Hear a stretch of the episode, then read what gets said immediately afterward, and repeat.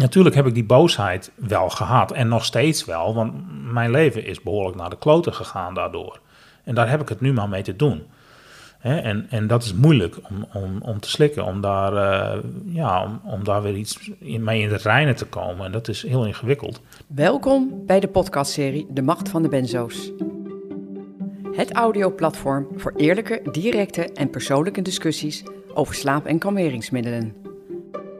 In deze podcastserie neem ik, François Mittertreiner, je mee naar de grillige wereld van de benzodiazepines. Ik ga op onderzoek naar de macht van de benzo's over voorschrijvers en gebruikers. Hiervoor ga ik in gesprek met artsen, zorgverleners, wetenschappers, verslaafden en ervaringsdeskundigen. Want hoe kan het dat anno 2022 de benzo's nog altijd de meest voorgeschreven slaap- en kalmeringsmiddelen zijn? Deze podcastserie wordt gesponsord door Spoor 6, Verslavingshulp op niveau en is mede mogelijk gemaakt door Breider Verslavingszorg en Triora, onderdeel van de Panacea Groep. Welkom bij de zesde aflevering van de podcast De Macht van de Benzo. Ik ben François Mittertreiner en vandaag ga ik in gesprek met Ewout Kattau, ervaringsdeskundige en auteur van het boek Wie is hier nu eigenlijk gek? Welkom, Ewout. Dank je. Dit is niet de eerste podcast die jij doet, want jij maakt inmiddels ook je eigen podcast. Klopt, ja, ik maak zelf ook een podcast. En dat doe je voor je eigen stichting, Stichting Pil. Ja, Daar gaan we het later over hebben. Even voor de luisteraar, want die kent jou nog niet. Wie is Ewout Kattau? Eh, nou ja, zoals je al zei, ben ik eh, ervaringsdeskundige en auteur van het boek Wie is er nou eigenlijk gek? En ehm, ik ben, eigenlijk ben ik ja, ruim 20 jaar cliënt geweest binnen de GGZ. En daar heb ik eh, ja, iets van 22 verschillende DSM-labels opgeplakt gekregen en iets van 40 verschillende soorten psychofarmaca. En eh, ja, daar ben ik eigenlijk de jaar of vier geleden ben ik met die, al die medicijnen gestopt. Ik heb dat boek gelezen en, en toen ik ook binnenkwam hier vandaag, toen vertelde ik jou ook, dat boek heeft me zo geraakt. Ja. En dat is met name in de manier waarop je ook alles heel rustig beschrijft. Ehm, voor de luisteraar, kan jij vertellen hoe het begon? Ja, mijn, mijn carrière in de GGZ, zeg maar, dat begon eigenlijk toen ik eh 18 jaar was. Toen eh, had ik eigenlijk wel wat, ja, je kan zeggen faseproblematiek. Hè? Dus dat is een, dan zit je in een, in een fase in je leven waarin je moet opgroeien. De, de, de, ja, dan ga je van kind naar volwassen zijn. En daar liep ik eigenlijk wel wat in vast. Daar had ik moeite mee. Dus het vinden van, van mijn plek en, en in de samenleving. En wie ben ik dan eigenlijk? En wat wil ik dan? En waar hoor ik bij? En dat zijn van die thema's waar je dan mee worstelt. En daar worstelde ik ook mee. En eh, dat gaf wat somberheidsklachten, wat angstklachten. En eh, op een gegeven moment ben ik daarmee naar de huisarts gegaan. Want ik merkte wel van ja, dat gaat gewoon niet lekker. Ik had al een aantal jaren overal tegenaan lopen schoppen. Echt wel flink aan puberen, zeg maar. Omdat ik gewoon niet lekker in mijn vel zat. Niet wist wat ik moest. Maar toen op, kwam er op een gegeven moment een punt dat ik dacht van... nee, ik moet hier wel eh, wat mee doen. Dus toen ben ik op een gegeven moment bij de huisarts terechtgekomen. En ja, in plaats van een, een, een goed gesprek om te, om te gaan onderzoeken van... nou, waar, waar zit je nou mee? eh, kreeg ik antidepressiva. En dat was eigenlijk was dat het startschot van een extreem avontuur in de psychiatrie. Zo, zo zie ik het wel. Ja. En daar begon de ellende. Ja, maar dat was ook wel hoe ik er naar keek. Want ik, ik, op dat moment stond ik open voor gesprek. En was ik ook al eh, gestart met mijn ouders te praten over, over nou, dingen waar ik moeite mee had, waar ik tegenaan liep. En, en dat, was, dat voelde ook wel goed hè, om, om, om, om het daarover te hebben. Dus ik dacht eigenlijk, nou dan ga ik naar naar de huisarts en dan, ja, dan gaan we echt dieper op de materie in. Wat er nou eigenlijk aan de hand is. En, en, dus ik zag mezelf inderdaad al op zo'n diva liggen bij met een psycholoog die je dan eh, eh, nou ja, van die diepgaande gesprekken heeft. En daar keek ik denk ik ook ergens wel naar uit. Maar ja, nee, inderdaad. Ik stond eh 10, 20 minuten later met een doosje Effects of vaccine stond ik buiten. Dat waren een van de eerste antidepressiva's hè, die uitkwamen, of niet? Nee, nee, nee. De, de venlafaxine was toen destijds wel nieuw, vrij nieuw. Was nog maar net op de markt eigenlijk. En dat zei de huisarts ook. Hij het is een vrij nieuw middel, maar we hebben hier hele goede resultaten mee. En eh, ja, kijk, ik was toen ook nog zo jong dat ik ook dacht van ja, maar als de dokter dat zegt, dan zal dat wel zo zijn. Dan, hè, als de dokter zegt dit is het antwoord op jouw probleem, dan zal dat ook wel zo zijn. Wie ben ik om daaraan te twijfelen? Want we, we geloven de witte jas. Ja, de witte jas heeft gelijk. Ja, dus, zeker in die tijd. Zeker in die tijd, nog steeds wel hebben veel mensen dat, maar bij ons in de familie heeft niemand dat meer. Nee, daar kan ik me iets bij voorstellen. Ja, ja. ja. En het is niet dat ik nou wil zeggen dat, dat je nooit naar de dokter moet luisteren, alleen je moet wel denk ik, relatief, de kennis ook relativeren ja. die er is. Op de antidepressiva's, wat was het gevolg? Je kon niet slapen. En zo komen we ook naar zeg maar, de topic van deze um, podcast. Ja de benzodiazepines. Vertel eens, welke kreeg je voorgeschreven? Je kon niet slapen? Nee, nou. ik, ik, uh, nou ja, ik kreeg gelijk verschillende problemen. Kreeg ik. ik kreeg uh, inderdaad slaapproblemen, dus ik, ik kon niet meer inslapen en ook niet doorslapen. En ik, ik werd ook veel angstiger en veel onrustiger. En er gebeurde van alles in mijn lijf. Um, en ja, daar werd vrij snel werden daar uh, benzodiazepine bij voorgeschreven. Welke het precies als eerste waren, weet ik zo niet. Ik heb in totaal in die jaren heb ik, ik meen iets van acht verschillende soorten gehad. En uh, in totaal heb ik ja, 40 verschillende soorten psychofarmaca überhaupt gehad, maar iets van acht verschillende benzo's. En volgens mij kreeg ik al vrij snel uh, ook al twee verschillende hoor. Eentje voor het inslapen en eentje tegen de angst. Dus ja, en dat is eigenlijk het grootste deel van de tijd dat ik in die psychiatrie heb gezeten en, en ook allerlei andere pillen kreeg, was eigenlijk bijna altijd wel een benzo daarbij. Het is verbazingwekkend hè, hoe standaard protocol de inzet van benzodiazepines nog steeds zijn. Ook als je geopereerd wordt of inderdaad als, als je uh, antidepressiva slikt, hoor ik. Maar ook andersom eigenlijk. Maar als je antidepressiva slikt, dan kunnen mensen vaak dikwijls niet meer slapen. Dus dan krijgen ze weer benzo's.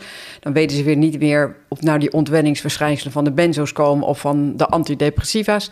Hoe kwam jij daar zelf achter van? Jij wist natuurlijk helemaal niet van nou, welke ontwenningsverschijnselen, of überhaupt had je ooit over ontwenningsverschijnselen gehoord toen je nee, ze kreeg voorgeschreven? Nee, nooit. Is ook nooit wat over verteld destijds. Nee. nee, dus daar wist ik helemaal niks van af.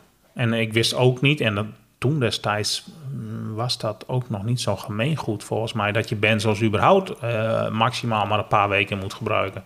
Maar ik heb ze gewoon jaren achter elkaar geslikt. En ik kreeg daar op een gegeven moment ook nog vrij zware andere middelen bij. Nozinant, Venegram, dat zijn ook hele zware sederende middelen.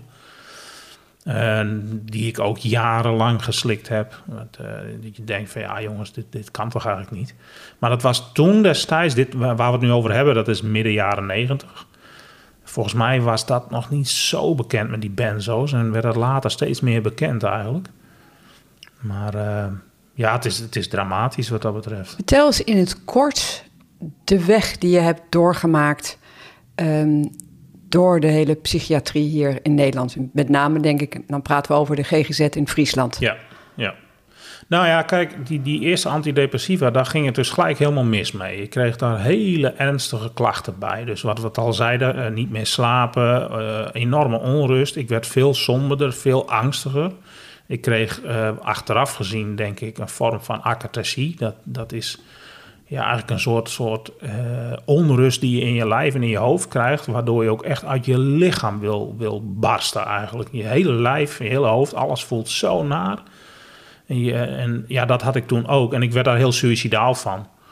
Dus ik weet ook nog wel dat ik toen destijds ook, ook heel vaak, uh, ja, echt heel veel suicidale gedachten had. En dat kende ik helemaal niet, want dat had ik nog nooit eerder gehad. Dus ik, dat, daar begreep ik ook niks van.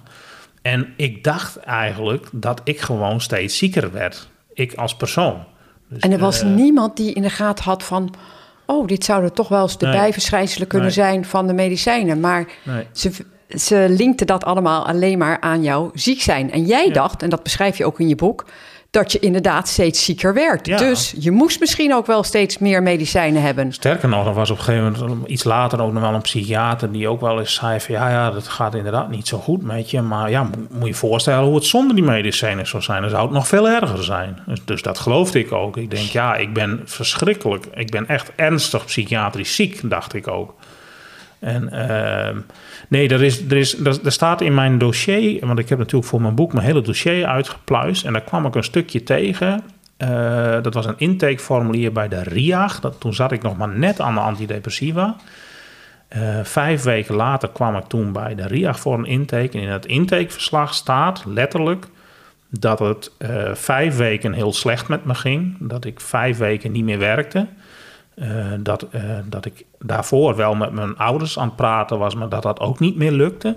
En dan staat er een alinea verderop staat, vijf weken geleden gestart met antidepressiva. Dus dat denk ik, het staat letterlijk in dat verslag staat het. En er is niemand die ooit heeft gedacht, goh, misschien uh, maken die pillen hem wel zo ziek. Wanneer kwam dat punt? Ik, ik las op een gegeven moment, en dat was volgens mij na tien jaar of zo, dat je op een gegeven moment, want je kreeg ook steeds andere, andere behandelaars, ja. andere psychiaters. En op een gegeven moment kwam er een psychiater en die zei, jij moet stoppen met al die pillen. Vertel nou, dat proces ja. is. Het was zo dat ik natuurlijk, uh, dat was al 10, 15 jaar inderdaad, werd ik, ja, als ik terugkijk, dan denk ik, het is een vorm van indoctrinatie. Waarin je constant verteld wordt dat je die pillen nodig hebt. En, en uh, de, dat, dat die jou beter gaan maken. En dat ik dus inderdaad, um, nou ja, het stofjesverhaal, hè, dat wat tegenwoordig, dat is nu net weer heel erg in opspraak geraakt door een onderzoek, een Engels onderzoek, wat dat je mist een stofje, dus ja. dat moeten we aanvullen met ja, medicatie. Ja, en, en, er zijn veel psychiaters die zeggen... ja, maar dat stof, dat, hè, dat, dat, dat weten we al lang dat dat niet klopt. Maar ja, het werd mij toen wel verteld. En, uh, dus dan denk je inderdaad, nou, ik heb dat echt nodig. Dus ik weet ook nog dat ik kort daarvoor een andere psychiater ook heb gevraagd... van, joh, uh, denk je dat ik het ook zonder medicijnen zou kunnen? Omdat ik, ik werd elke keer zo ziek van al die pillen. En die zei toen letterlijk tegen mij... nee, ik denk niet dat je het zonder medicijnen gaat redden. Je hebt het wel echt nodig. En toen kwam ik bij een andere psychiater. Uh, ik, was, ik was eigenlijk zwaar in crisis, omdat ik uh, constant weer van medicijnen moest wisselen bij die eerdere psychiater. En um, toen had ik op een gegeven moment weer een middel gehad. Dat leek dat het wel redelijk daarop ging, maar toen ging dat ook mis. Toen kreeg ik enorme angstklachten er weer van. Dus moesten we daar ook mee stoppen. En toen stortte ik helemaal in, want toen had ik zoiets nee, dan moet ik weer hiermee stoppen, word ik weer zo ziek. En dan moet ik straks weer wat anders. Nou, ik, ik, ik wist niet meer waar ik het moest hebben. En toen ben ik voor het eerst in twaalf jaar of zo weer opgenomen. En toen kwam ik deze psychiater tegen. En deze psychiater zei van ja, maar al die pillen, dat helpt jou helemaal niet. En daar moeten we mee ophouden. En hij had gelijk hoor. Alleen het punt was een beetje dat hij dat uh, heel directief tegen mij zei. Hij zei gewoon: nee, dat, dat gaan we niet doen, dat werkt niet, daar moeten we mee stoppen. Um, en dat hij zo directief tegen mij was, dat kwam omdat er in mijn dossier stond dat ik een persoonlijkheidsstoornis zou hebben. Ergens had iemand ooit borderline erin gezet. Ja, ik, ik heb even al die verschillende diagnostieken labels, die jij hebt, die labels ja. die jij hebt ontvangen doorgenomen. Toen dacht ja. ik het, was, het leek wel eigenlijk iedere keer ze dachten van even met de vinger ja, op de toon van nou zullen we wat welke wat, ja. wat zullen we er nu van maken? Ja, maar die hele DSM weet je dat is een hele andere discussie, maar dat ja. dat, dat daar moet echt vanaf. Ja, moet echt vanaf. Het is zo beschadigend al die labels. Maar goed, deze man, en dat zei hij later ook, ik heb hem inderdaad geïnterviewd voor het boek. En uh, het was een heel mooi gesprek wat ik met hem had hoor. Dus ik kan nu heel goed met hem. Ik heb binnen... Maar wat gebeurde er toen? Toen dacht nou, jij van, ja, ho, ho. Nee, kijk, het was zo. Hij, hij, hij zag dus inderdaad van, oh ja, persoonlijkheidsproblematiek, borderline. Nou, in die tijd heerste heel erg het beeld van, ja, mensen die persoonlijkheidsstoornissen hebben, en zeker borderline, moet je niet meer in gesprek gaan, want die willen alleen maar manipuleren. Die moet je gewoon heel directief gaan zeggen hoe het, hoe het staat en niet mee in discussie. Uh, dus dat deed hij toen ook. Alleen, ja, ik was uh, 10, 15 jaar kreeg ik alleen maar te horen dat ik het zonder die pillen niet zou redden. En nou kwam er ineens een psychiater die zei van nee, dat, dat werkt niet en daar moeten we mee stoppen. Dus dat was, dat was een. En terwijl ik al in een zware crisis zat, hè, dus al helemaal in paniek was. Dus voor mij was dat echt zoiets van: hè, maar ik krijg, constant, ik krijg altijd al te horen dat ik die pillen nodig heb. En nu is er ineens een psychiater die zegt: van, we moeten daarmee stoppen. Ja, dat, dat, dat klopte niet. En daar heb ik later in dat interview met hem ook over gehad. Toen hij ook zei: van ja, ja, maar hij zei: hoe, hoe, had, het dan, hoe had ik het dan moeten doen?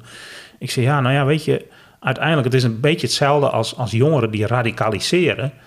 Uh, als je heel erg geradicaliseerd bent in bepaalde denkbeelden, dan kun je niet tegen iemand zeggen: dat klopt niet en we gaan het ineens anders doen. Maar dan moet je iemand losweken uit dat beeld, uit die gedachtegangen. En dat ja. kost wat tijd en daar heb je een relatie voor nodig, daar heb je vertrouwen voor nodig. Dus ja, achteraf gezien had dat eerst gemoeten. Hadden we, hadden we wel, juist wel in gesprek moeten gaan. En uh, had, er, had er eerst een vertrouwensband moeten komen. Maar die was er niet. Nee. Maar dat is sowieso hè, waar jij ook voor pleit. Hè? En, dan, en Jim van Os ook, als ik dat goed hoor. Er moet natuurlijk veel meer uh, in gesprek gegaan worden met, met, met de patiënt. We moeten sowieso... Uh, we hebben geen patiënt voor ons, maar we hebben een mens voor ons. Weet je, we moeten veel meer naar de mens denken. Ik denk dat je uh, niet meer over patiënten of cliënten moet hebben... maar medemens met een hulpvraag. Ja, ja. ja. En wanneer kwam toen het moment dat jij dacht van... ik moet ermee stoppen? Dat ontstond toen ik de opleiding tot ervaringsdeskundige deed en ik een, al een half jaar of een jaar stage had gelopen in een forensische kliniek. En ik moest voor, de, voor school moest ik zeg maar een, een eindverslag van het eerste stagejaar maken. En dat had ik gedaan. En ik kreeg als feedback zowel van de werkbegeleider als de, de coach van school dat het op zich een, wel een, een, een goed verslag was, inhoudelijk. Maar dat, er, dat zij miste gewoon een gevoelsreflectie daarin. En dat zette mij aan het denken. Ik denk, ja, ik, ik werk in een forensische kliniek. Ik krijg hier verhalen te horen van mensen die best wel ernstige delicten hebben gepleegd. En vaak zelf ook hele ernstige dingen hebben meegemaakt. Maar echt raken in mijn gevoel doet het dat niet. Ik, kan ik blijf op afstand. Ik blijf uh, het, het, ja, beargumenteren, maar dan, dan meer ook niet. Dus ik dacht, ja, geen gevoelsreflectie. Ja, maar ik heb dat gevoel ook gewoon helemaal niet. Maar toen dacht ik ook van, hey, dat, is, ja, dat is wel raar. Ik voel eigenlijk helemaal niet zoveel. Ik ben inderdaad nu op dit moment niet zwaar depressief of, of angstig. Of, maar voor de rest, ik voel ook geen vreugde, ook geen verwondering. Ook geen passie. Uh, en toen realiseerde ik me van, ja, dat zijn mijn ouders ook. Als kind was ik juist van ons drieën, ik heb een broer en een zus, van ons drieën was ik degene die het meest uh, stralende ogen kon hebben en, en intens van dingen kon genieten. En toen besefte ik me ook, ja, maar zolang als ik die psychofarmaca slik, heb ik dat nooit meer teruggehad. En, uh, en daarnaast merkte ik ook dat ik cognitief ook veel slechter werd. En uh, Peter Bragan, een Amerikaanse psychiater, die noemt dat chronic brain impairments. En die zegt eigenlijk van als je langdurig dat soort, die, dat soort psychofarmaca gebruikt, dan nemen je, je functies in je brein langzaam af. Dus je cognitieve functies, maar ook je, je, je spiritualiteit, spiritualiteit en dat soort dingen, dat, dat neemt af. En hij zegt, dat vind ik heel mooi hoe hij dat zegt, hij zegt uh, mensen die dat lang gebruiken, dan zegt hij over: They are no longer engaged with life. Vind ik een prachtige uitspraak. In Nederland betekent dat zoveel als niet meer in contact met, met het leven. Maar no longer engaged with life. En dat merkte ik ook heel erg. Ik denk, ja, het leven gaat er mij voorbij, maar ik ben er niet meer helemaal, ik ben er eigenlijk niet meer bij. Ik ben er niet echt bij betrokken. Nee. En toen kreeg ik een sterk verlangen. Ik denk, ja, maar ik wil, ik wil weer ik zijn. Ik wil, wil me weer echt Ewoud voelen. Ik wil weer, ik wil weer voelen, überhaupt. Ja. Want een, een leven zonder gevoel is geen leven. Dat heb je ook, dat proces heb je ook heel mooi verwoord in het boek. Mag ik dat heel even voorlezen? Ja.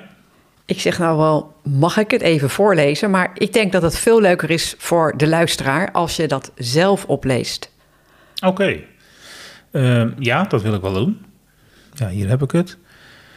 Uh, dit had tot gevolg dat ik me langzaam ging realiseren waar ik al die jaren in had gezeten. Het voelde alsof ik ruim twintig jaar niet aanwezig was geweest. Ik was een lege huls geweest met heel in de verte nog een klein beetje inhoud.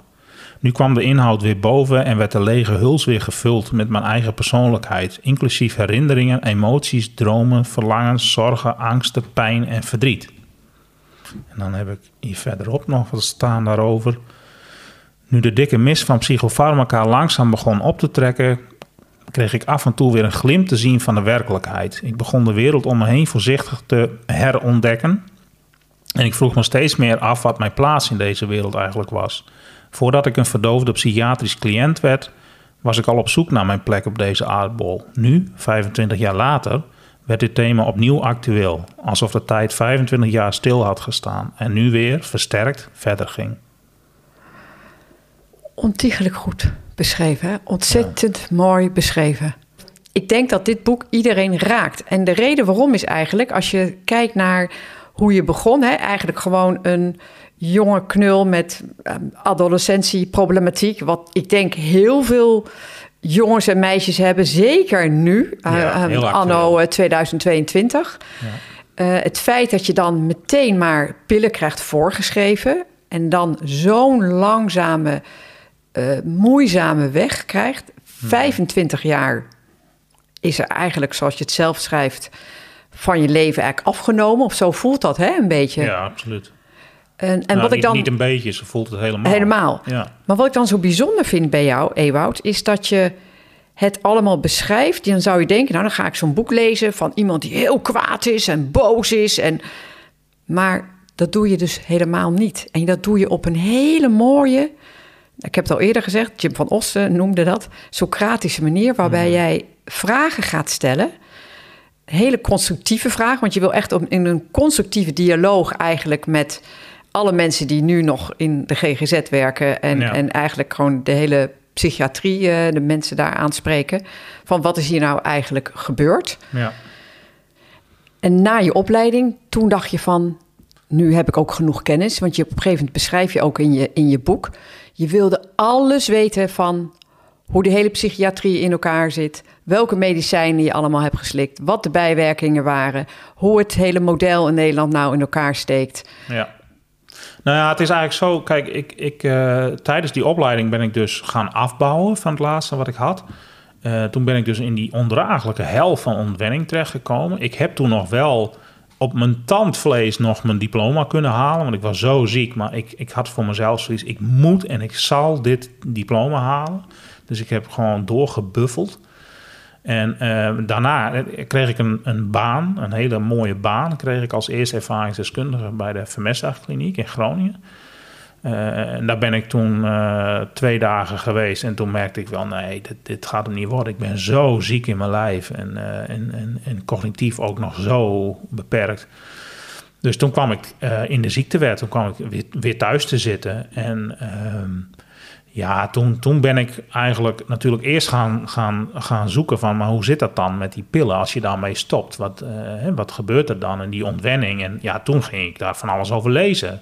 Toen ging ik eerst natuurlijk de officiële eh, eh, richtlijnen bekijken. En ja, daar stond een, een vrij positief verhaal van... ja, je kan, je kan wel wat ontwenningsverschijnselen hebben... maar het duurt meestal een paar weken... En, toen had ik zoiets van, ja, maar dat klopt toch dan helemaal niet. En toen ben ik er verder in gedoken. En toen kwam ik er wel achter, met name door heel veel uh, uh, peer support sites. Dus mensen die het zelf hebben meegemaakt. Die zeggen van, nee, maar dat, dat, kan, dat kan echt een hel van ontwenning zijn. En het kan, in het ergste geval, kan het jaren aanhouden.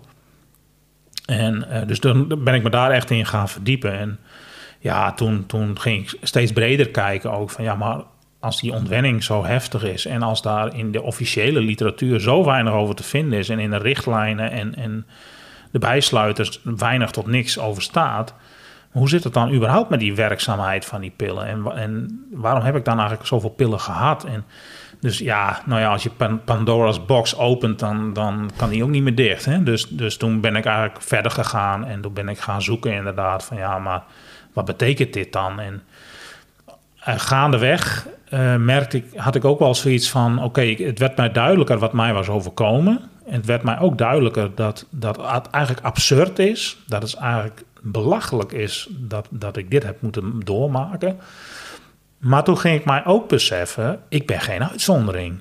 Want zoals mij heb ik er zoveel gezien aan, in al die jaren. En, uh, en dat was voor mij ook wel een aanleiding om het boek te gaan schrijven. Dat ik dacht van ja, Kijk, als ik nou uh, de uitzondering 1 op een miljoen ben of zo, of 1 op de 10 miljoen dit dit overkomt, dan zou ik nog denken, ja, nou ja, dat is gewoon, ja, als ik heb gewoon pech gehad. Dan heb ik gewoon verschrikkelijk pech gehad en dan moet ik het allemaal mee doen.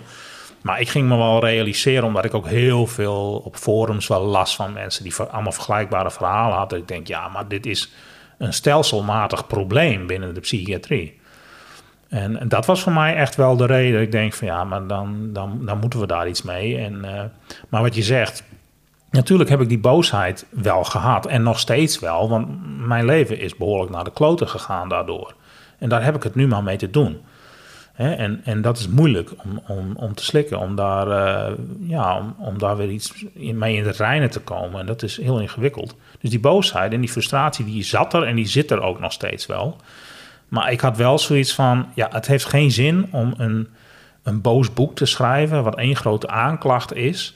Want ja, natuurlijk gaan er dan mensen die vergelijkbare dingen hebben meegemaakt, die zullen dat vast mooi vinden om te lezen. Maar ik bereik er verder niks mee. Nee, precies. Nee. want, want dan weet ik het wel. Dan gaan mensen die het in de psychiatrie werken, die gaan het lezen. Die denken, ja, nou, daar heb je weer zo'n geval. Hè. Dit is gewoon persoonlijkheidsstoornis. En, en die, is, heeft, hè, die heeft uh, ja, niet gekregen wat hij wou. En, en die gaat nu lekker afgeven. Ik denk, maar dat wou ik ook niet. Zo steek ik ook niet in elkaar. Ik denk, nee, als we, als, als we verandering willen als we willen dat uh, dit soort iatrogene schade, schade door medisch handelen, dat we dat verminderen of voorkomen, dan moeten we daar een open dialoog over hebben. En dan moeten we met elkaar erover in gesprek gaan. En uh, dat betekent dat we naar elkaar luisteren, dat we elkaar niet gaan schofferen, niet met de vingers gaan wijzen. Want waar moet je dan heen wijzen? Want het, het, probleem zit veel breder nog dan alleen de psychiatrie zelf. Het is, het is heel erg hoe onze maatschappij uh, de laatste decennia's in elkaar steekt. Ja. Dus ik denk, nee, we moeten, we moeten dus met elkaar in dialoog hierover. En dan, dan moet je een boek schrijven. Um, wat uitnodigt tot die dialoog. Uitnodigt tot nadenken over dit probleem. En dat doe jij heel mooi. Door ook, ja, je kan heel goed schrijven, hè, goed formuleren. Je hebt net een mooi stuk ook opgelezen. Je doet het op zo'n manier dat de lezer ook echt. Je raakt de lezer echt met je woorden. En de manier waarop je dingen ook heel duidelijk beschrijft. Ook wat het met je deed zelf. Maar ook de verschillende interviews die je hebt gedaan met deskundigen, met hoogleraren. Uh, hoogleraar, twee hoogleraren psychiatrie volgens mij. Ja. Uh, nou ja, natuurlijk Dick Bell, uh, oud-huisarts en epidemioloog. Ja. Um, onder andere hoogleraar um, psychiater Jim van Os. Dat zijn eigenlijk de laatste twee die ik nu net noem. Dat zijn echt wel de twee die heel duidelijk aan de weg timmeren. Of dat zijn echt wel voor heel veel mensen ook wel de luizende pels, worden ze dat ook wel eens genoemd. Ja. Uh, maar goed, die, dat zijn wel mensen die, die een andere weerklank geven. Die, die de verschillende thema's waar jij over schrijft. Hè, de, de hele, moeten we niet beter gaan kijken naar de diagnostiek? Moeten we niet, niet veel uh, intensiever gaan kijken naar de, de hele uh, psychofarmaca die, die voorgeschreven wordt? De medicalisering eigenlijk van psychisch lijden. Um, zeg ik dat goed? Ja, ja, ongeveer. Ik denk voor Dick Bell en, en zoals Jim van Oils ben je echt wel de perfecte ambassadeur. Omdat je op zo'n mooie manier in constructieve dialoog gaat. Ja. En daar zit ook in mijn beleving de kracht van het boek. Ja. En dat kwam ook naar voren tijdens de boeklezing. Dat was ook een, ik, ik heb daar ook met plezier naar geluisterd. Mm -hmm. Ook daar raakte ik toch wel weer, ja, werk, ik ben enorm geraakt. Ik ben benieuwd eigenlijk hoe, hoe jij daar, hoe, toen jij daar zat, wat het met jou deed, toen jouw vader sprak. Um, en die vertelde in, tijdens zijn lezing, dan zie je je eigen kind langzaam afzakken. En op een gegeven moment zie je hem opgesloten worden in een isoleercel. Mm -hmm. Wat dat doet met een ouder. En, en je voelde die emotie, volgens mij. De hele zaal voelde dat, ja. Wat deed dat op dat moment met jou ook? Hetzelfde wat het nu ook doet. Dus wat heel veel mensen zich denk ik niet zo goed realiseren. En ik mij lange tijd ook niet heb gerealiseerd. Maar mijn vader is bijvoorbeeld een, een best wel een rationele man. Het is een intelligente man. Hij is ook vrij rationeel. Hij is nooit zo... Ik heb hem nooit uh, heel boos gezien. Maar ook nooit uh, zien huilen. Uh, totdat ik hem een paar jaar geleden vroeg wat, wat het voor hem betekende. Dat zijn zoon opgesloten heeft gezeten en dood wou. En, en, toen heb ik hem voor het eerst van mijn leven zien huilen. Ja. En uh, ja, dat, de, de, de, de, ja, het verhaal wat hij vertelde tijdens de boekpresentatie... dat ik moest enorm op mijn lip bijten om, om het niet in janken uit te barsten. Mooi, dus hè? Ik, ik, het was, en, en dat hoor ik trouwens van iedereen, of van iedereen... maar van veel mensen hoor ik dat, dat ze dat enorm uh, heftig vonden om te horen... En, dat dat echt wel heel veel emotie opriep. En dat, dat voelde je ook in de zaal, dat klopt. Wat is je, wat ik zeg, hoofdboodschap van dit boek? Wat wil jij met, als de mensen dit boek gaan lezen, wat wil je gaan bewerkstelligen?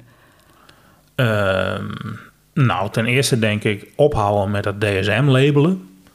Uh, daar moeten we echt van af. We moeten op een andere manier naar psychisch lijden gaan kijken.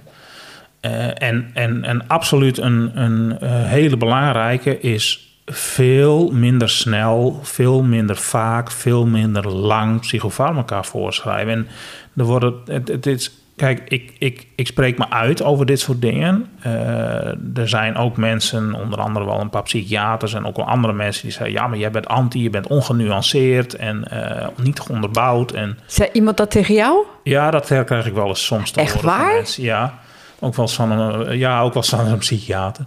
Maar, maar dan denk ik van, ja, maar goed, kijk, uiteindelijk...